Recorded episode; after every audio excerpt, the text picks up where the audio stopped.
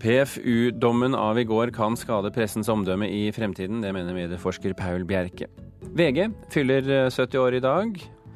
Og legen Anders Hesbøl legger stetoskopet på hylla for å følge drømmen. Til høsten venter studier i animasjonsfilm. VG 70 år. Redaktør Torry Pedersen har kommet til Kulturnytt og står utenfor studio her og skal bli med litt senere i sendingen eh, og snakke om både de første 70 årene og kanskje de neste 70 årene. Kulturnytt får du uansett med Birger Kolsrud Jåsund i studio. Ja, Pressens eh, omdømme kan lide både på kort og lang sikt. Det mener altså medieforsker Paul Bjerke, som kommer hit til studio om noen få strakser. Det var altså i går at TV 2, Aftenposten og NTB ble felt da pressens faglige utvalg behandlet tidenes største klagesak. Klagen var fra en kirurg som følte seg uthengt av de innklagde mediene. Klagen var på 1500 sider, men hvis vi regner med vedleggene nesten 4000 sider. TV TV 2 tar det tungt. Jeg syns ikke noe om å bli felt i PFU. Ikke i det hele tatt. Sier nyhetsredaktør i TV 2, Niklas Lysvåg. Etter at pressens faglige utvalg i går hadde gjennomgått de nesten 4000 sidene med klagemateriale som ble sendt inn på vegne av nevrokirurg Per Christian Eide, ble det klart at TV 2 hadde brutt god presseskikk. Vi er både overrasket og kan være litt uenig i noen av dem. PFU behandler klager sendt inn av folk som har opplevd å bli urettferdig behandla av media.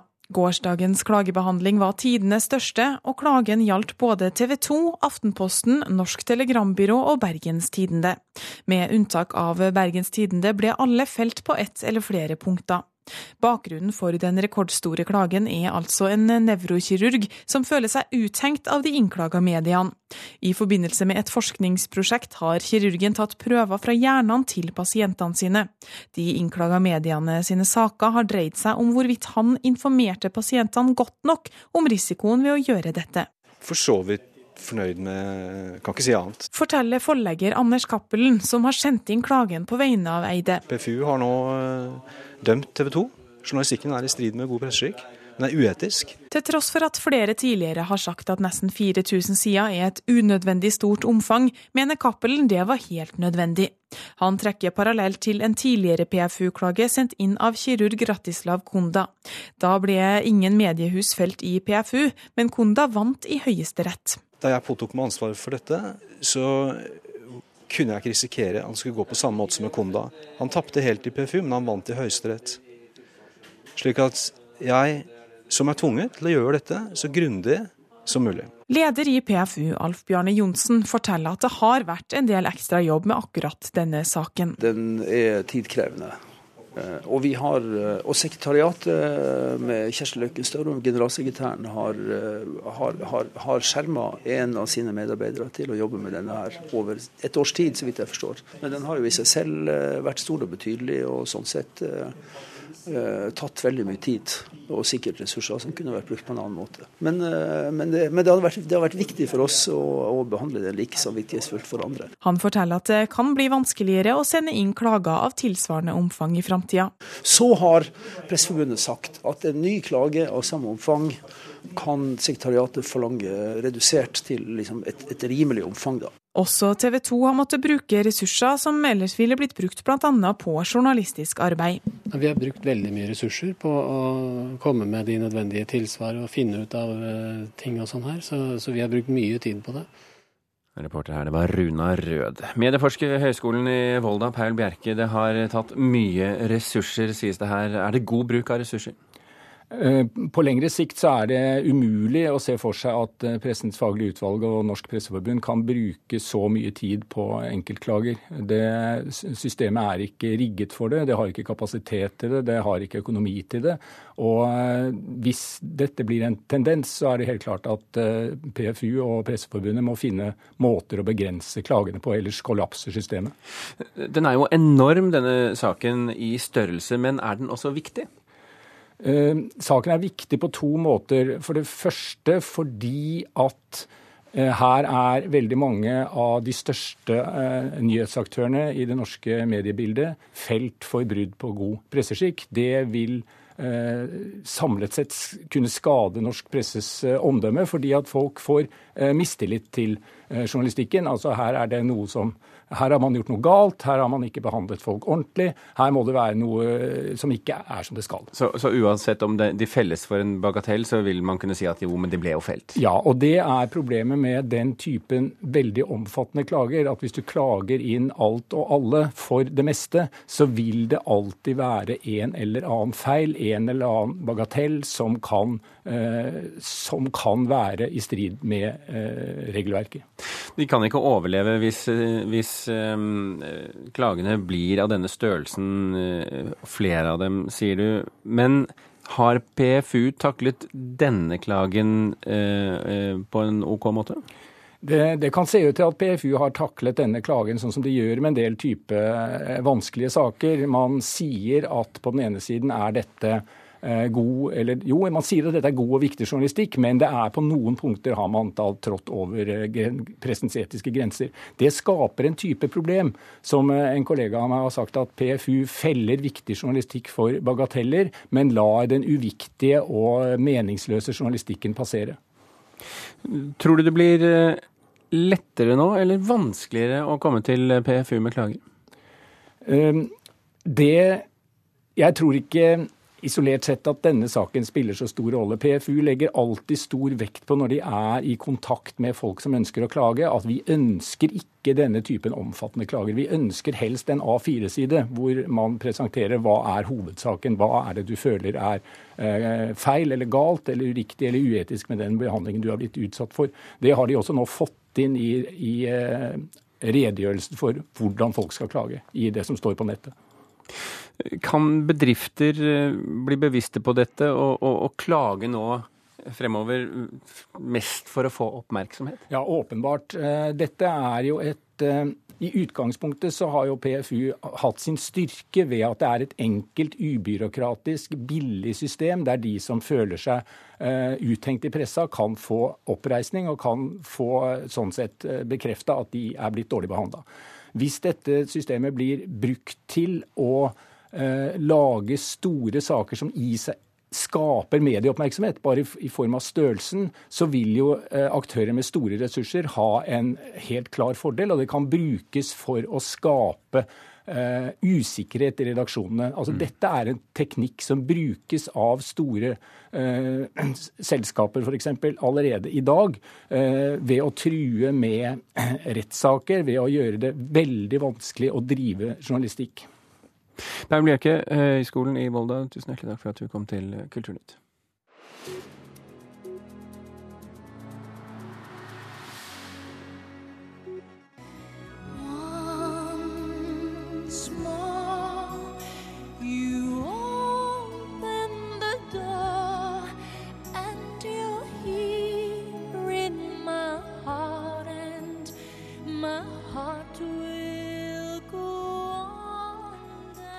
Céline Dion, 'My Heart Will Go On', skrevet av filmkomponisten James Horner.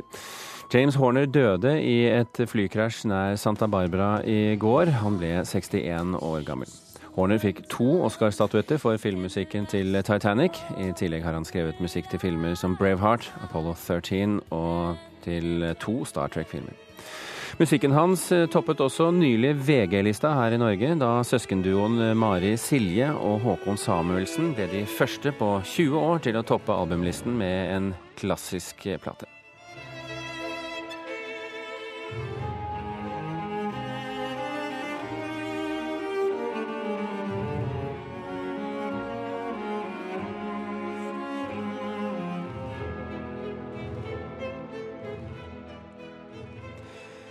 NRK vil ha evig visningsrett til norske TV-serier mot en engangssum. Det er uaktuelt, sier leder Monica Boracco i Dramatikerforbundet til Klassekampen. Rammeavtalen mellom Dramatikerne og NRK ble sagt opp i forrige uke, og nå forhandles det om en ny. Dramasjef Ivar Køhn i NRK sier de ønsker å forhåndskjøpe rettighetene en gang for alle, slik at, de kan, slik at de er tilgjengelige for lisensbetalerne når og hvor de måtte ønske. Skuespillerforbundet og NRK har tidligere inngått en lignende avtale. I dag er det 70 år siden Verdens Gang så dagens lys. VG feirer altså 70 år i dag. Gratulerer med dagen, redaktør Torry Pedersen. Hjertelig takk. Hvordan vil du beskrive 70-åringen? Eh, nei, han Lett inhabil som du er? han er vel, eh, som mange andre 70-åringer i vår tid, eh, relativt vital, men står overfor noen utfordringer. Så det er en, en hann, altså? Eller en hund. Eller en hund. Men, ikke en hen. Nei, det bruker vi ikke. Aviser har kommet og gått. Hvorfor har VG klart seg? Ja, nå er jo ikke vi i norsk sammenheng noen spesielt gammel avis. Det er jo mange av våre konkurrenter som er betydelig eldre. Men øh, vi de første 21 årene så var det jo en evigvarende kamp for å overleve. Men når VG ble kjøpt av Aftenpostens eiere i 1966 og fikk et finansielt grunnlag for å sette ideene ut i livet, så har det jo gått veldig bra. Mm. Eh, jeg snakket med eh, førsteamanuensis i medievitenskap ved Høgskolen i Gjøvik i går, Jens Barland, som jo skrev doktorgraden sin eh, på VG, og jeg stilte ham det spørsmålet som du var inne på her. Er VG en vital 70-åring? Den er vital, men den er hardt presset. Fordi den store overgangen fra å drive papiravis til å drive digitalt i mange forskjellige kanaler, det gjør at ja, man får flere lesere, men man færre penger per leser. Sånn at økonomien er presset, men selve journalistikken og det å utføre den og det å nå ut til mange folk, der er de veldig vitale. Har VG som papiravis noen kvaliteter som gjør at de egner seg godt også på nett? VG som papiravis skilte seg ut ved å være en ordentlig tabloidavis i, i norsk kultur. Ehm, de var populære, de var folkelige, de var tidlig ute ved å understreke den nærheten til folket som er unik. Og dette, denne kulturen har de faktisk dratt fra inn i den digitale konkurransen. fordi Der får de full uttelling for å være tett på det å forstå hva som um, er attraktivt for folk å få nyheter om. Hvordan vil du si at uh, avisen er rigget for fremtiden, med høyde for at vi vet svært lite om fremtiden til mediene? Eh, jeg tror ingen vet nøyaktig hvordan denne fremtiden blir for mediehusene som har tradisjoner og historie som papiraviser. Det som er helt sikkert er at en helt ordinær daglig nyhetsavis på papir en eller annen gang i fremtiden så er det historie. Og De er jo langt fremme og de er veldig offensive og har store tall på det digitale. så Sånn sett er de godt rustet. Men VG har ikke mer enn andre funnet at man greier å tjene penger til å finansiere den virksomheten. Så jeg vil tro de får det til, men de har mye som skal finnes og utvikles før eh, det er på plass. Men eh, det ser ut til å gå i riktig retning. Ja, det sa altså medieforsker Jens Barland på denne litt skrøpelige telefonlinjen vår. Torry Pedersen, hvordan skal dere klare å overleve i en digital økonomi? Nei, det er jo 10 000 kroner spørsmålet for alle Millionkronersspørsmålet, mediehus som eh, ikke heter NRK. Vi som må skaffe pengene våre i det frie marked. Men eh, det er jo eh, slik at det å ha, attrahere mange lesere og eh, få de til å bruke oss eh, frekvent og eh, bruke mye tid der, vil, tror jeg, være fundamentet for å få bærekraftige forretningsmodeller. Men hvilke planer legger VG da, i en medievirkelighet der det knapt finnes så lite som tremånedersplaner lenger? Uh, nei, vi uh, Hvis vi ser på det store bildet, så er det jo noen trendbilder uh, i dag som er relativt iøynefallende. Det ene er at mobilen kommer til å bli primærkanal for de fleste av oss. For mange av oss er det det allerede. Det andre er at du neppe klarer å attrahere nok brukere ved å være en destinasjon alene. Du må altså spre innholdet ditt på mange, mange, mange plattformer. Eh, I papirverden så sto jo avisen i kiosken eller kom i postkassa, og du gikk og hentet den. Eh, I dag så spres jo innholdet i sosiale nettverk osv. osv. Et tredje tydelig trendbilde er jo eh, at levende bilder ser ut til å vokse som leveranse for å formidle journalistikk. Da. Alt dette holder vi jo på med. Så der skal dere operere. Men konkret, hvordan skal dere feire dagen i dag? Ja, akkurat i dag. Utover, utover dagens 70-årsbilde? Nei, vi skal ikke feire noe mer enn det i dag. Vi hadde en uh, svært hyggelig fest for uh, alle ansatte og uh, gjester på fredag. Det holder? Ja, jeg tror vi må arbeide hardt i dag, som alle andre dager. Skal vi eldes med verdighet. Torry Pedersen, takk for at du kom til Kulturnytt, og hils alle dine kolleger og gratulerer dem fra oss. Takk skal du ha. Klokken er 18 og et halvt minutt over åtte. Du hører på Kulturnytt, og dette er toppsakene i Nyhetsmorgen nå. PST har advart eh, Frp-politikeren Tor André Johnsen etter at han har hatt tett kontakt med russiske diplomater, skriver VG i dag. Langt flere barn og unge voksne får utmattelsessykdommer. Mange av dem står lenge i kø for å få hjelp. Og det blir kamp om jobbene i mange flere bransjer. Nå er det også sterk nedgang i tallet på utlyste jobber innenfor helse og utdanning.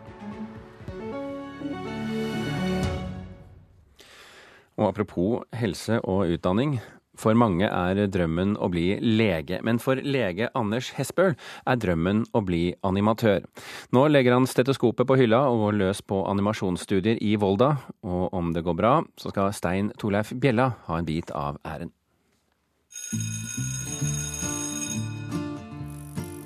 Det første albumet til eh, Stein Torleif traff meg rett i, i mellomgulvet. Altså. Og typegalleriet til Bjella fikk fart på sovende drømmer. Og millimeterflytting av dokker og tolv knips i sekundet på fotoapparatet. Det var den drømmen, ja. ja. Etter 15 års betenkningstid tør den sindige legen å velge kunsten. Har man muligheten til å liksom virkeliggjøre drømmer, så da må man jo gjøre det, tenker jeg. Jeg gleder meg til å se hva han eh, kommer til å skape framover. Sier Stein Torleif Bjella. Et helt bjella-univers av dokker har det blitt. De lager jeg sjøl, ja. De særeste skapninger boltrer seg i fire musikkvideoer. Det er litt sånn insekter og rotter og griser og sånn. Jeg syns alle de der dyra hans, det er liksom eh, passelig trash-uttrykk eh, med en slags bygdeestetikk som han òg har fanga veldig bra. Jeg syns det er like presist hver gang. Så kan man ta vekk de øynene her. Sånn. Drømmen om dokkene oppsto med barne-TV. To gode naboer som er helt mind-blowing. Så er det selvfølgelig Flåklypa Grand Prix, som er en klassiker. Men det var menneskekroppen og naturvitenskapen som vant over dokkene og kunsten da yrkesvalget måtte gjøres. Jeg, jeg er et uh, trygghetsmenneske, da. Var ikke klar for sånn hardcore bohem-liv. Hvor man bare lever fra hånd til munn. Så tar jeg et bilde eller to, så blunker den. Han elsker jobben sin som lege. Verdens beste jobb, uh, egentlig men òg et godt yrke har grå hverdager. Så plutselig lå søknaden til Volda i posten. Jeg søkte egentlig bare eh, Volda for liksom å få det ut av systemet. Han hadde ikke trua, men det hadde dem som tok imot søknaden. Det var veldig kult, det. Men det var liksom Å, oh shit. Hva skal man gjøre nå? Ja, da må man bare gå for det, da. Tårene bare rant ned på laptopen hans når han satt og så den, den videoen som Anders har laget. Tårene tilhørte Roy Lønnhøydens amerikanske plateprodusent. Han fikk jo helt sjokk. liksom, Jøss, er, er, det mulig? liksom, Og han syntes det var så bra. For ei av hans låter har òg fått sin animerte dokkefortelling. Han er flink, da. Han har jo gått inn i låta og virkelig gjort et flott kunstverk med den animasjonen. Jeg må dra allikevel Lønnhøyden har levd på loffen av kunsten i flere år, og er imponert over legen som tør å satse den veien. Kunstnere må vi ha. vi må jo det. Veldig bra at noen våger. Jeg tenker Det, det skal da ikke være umulig å kombinere det, tenker jeg. Så jeg, jeg er ganske fornøyd med, med valget mitt. Og uh, kan uh, bli hva man vil, bare man blir lege først.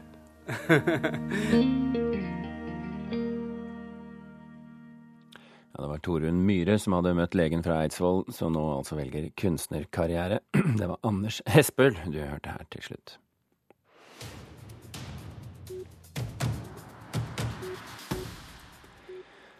Scenografi er i ferd med å vokse ut av teatret og bli en egen kunstform. Norge stiller med et gigantisk flagg og 20 skjeletter på verdens største mønstring i Praha, nemlig Prague Quadrennial of Performance Design and Space, verdens største scenografimønstring. Velkommen hjem fra Praha, Karen Frøsland Nystøl. Tusen takk. Kan du bare dra oss kort gjennom først. Eh, hva er egentlig Praha-kvadrenial? Det er en kjempemønstring hvert fjerde år som går på scenografi og teaterarkitektur. Den handler om kostyme, lys og lyd, selvfølgelig scenografi, og om performance. Og i år så har de eh, satt søkelyset på at scenografikunstens sprenge teaterrommet, så å si. De tar den ut på gate og strede i Praha. Så nesten hvor du går, så er det en stol på en vegg, eller du kan bli med på vandringer der, der det dukker opp teater underveis, eller du blir tatt med på båtturer der det spilles signaler. Du er, kommer inn i mange ulike performative settinger, da. Det er Men er det da lenger scenografi? Ja, all verden er en scene, Birger. Og, og, ja, okay.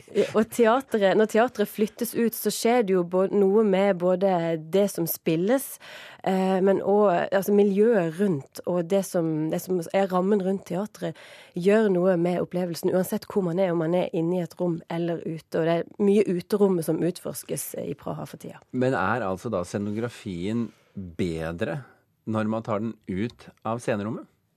Det er den ikke nødvendigvis, men uh, i denne Praha-komiteen tenker at uh, Teater er et uttrykk som oppstår der folk samles, og scenografi er knytta til teatret. Så hva er miljøet vi spiller teater i? Eh, det var eksempel, eh, Dette var bare en video, da. Det er om 78 eh, land som er representert med ulike bidrag.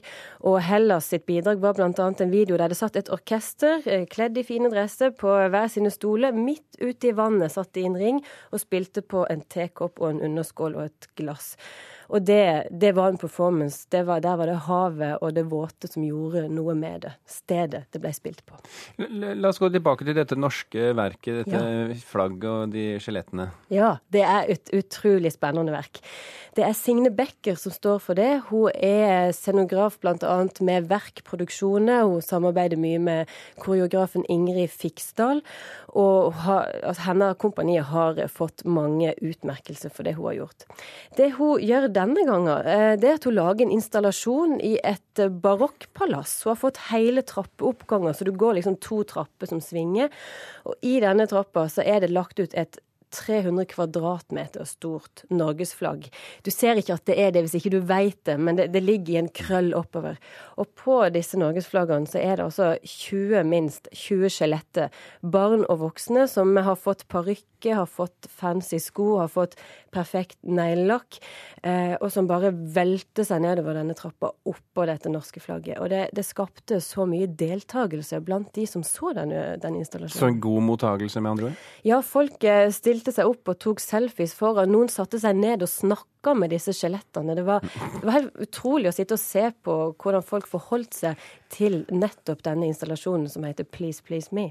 Scenografi på sitt beste. Og for de av dere som hører på dette og som skal til Praha, så kan jeg fortelle at uh, den står ut uken, den utstillingen. Uh, og da er det jo mulig å få med seg. Karen Frøsland Nysel, takk for at du kom til oss. Vi skal fra Praha til uh, Russland. Den unge norske fiolinisten Kristoffer Thun Andersen er der og kjemper om en finaleplass i den prestisjetunge Tsjajkovskij-konkurransen i Moskva. Andersen har så langt klart seg veldig bra i konkurransen med de beste unge musikerne i verden.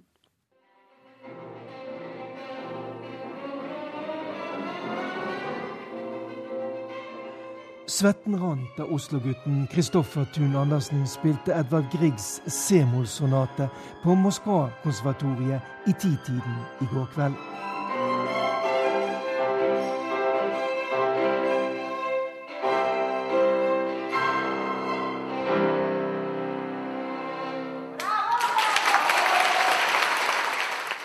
Kristoffer ga alt i dette siste verket i hans program.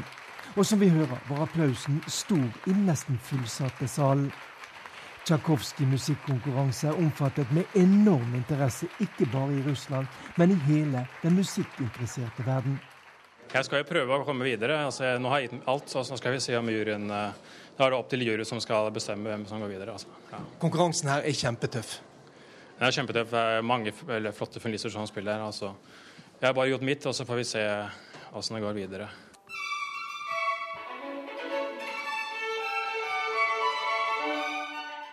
Bare det å bli godtatt til å være med i Tsjajkovskij-konkurransen er en prestasjon. Og nå er altså Kristoffer Thun Andersen kommet videre til andre runde og kjemper om en plass i finalen. Om det blir en realitet, får han først vite seinere i uken, trolig seint torsdag kveld. Det ser ut som du liker denne type konkurranse, du? Jeg liker den konkurransen. Altså, ja, altså jeg gjør jo mitt beste. Altså. Det er fint å spille i Moskva. Altså, det er veldig fint publikum. Altså.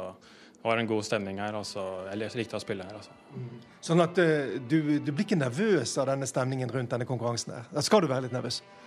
Jeg var faktisk ikke så veldig nervøs. Altså, jeg hadde en god følelse da jeg spilte. Altså. Også det virker som publikum likte det, så det er en god stemning. Ja, det fikk vi takket være Morten Jentoft, som er vår korrespondent i Russland. Kulturnytt er slutt. I dag har vi fortalt at pressens faglige utvalg må finne en måte å begrense størrelsen på klagene de mottar, ellers så vil hele systemet kollapse. Det sa i hvert fall medieforsker Paul Bjerke, og vi var med å feire VGs 70 år i dag. Kulturnytt uh, fikk du levert av Hanne Lunås, Gjermund Jappé og Birger Kolsrud Aasund. Snart kommer det flere nyheter her på denne kanalen. Hør flere podkaster på nrk.no Podcast.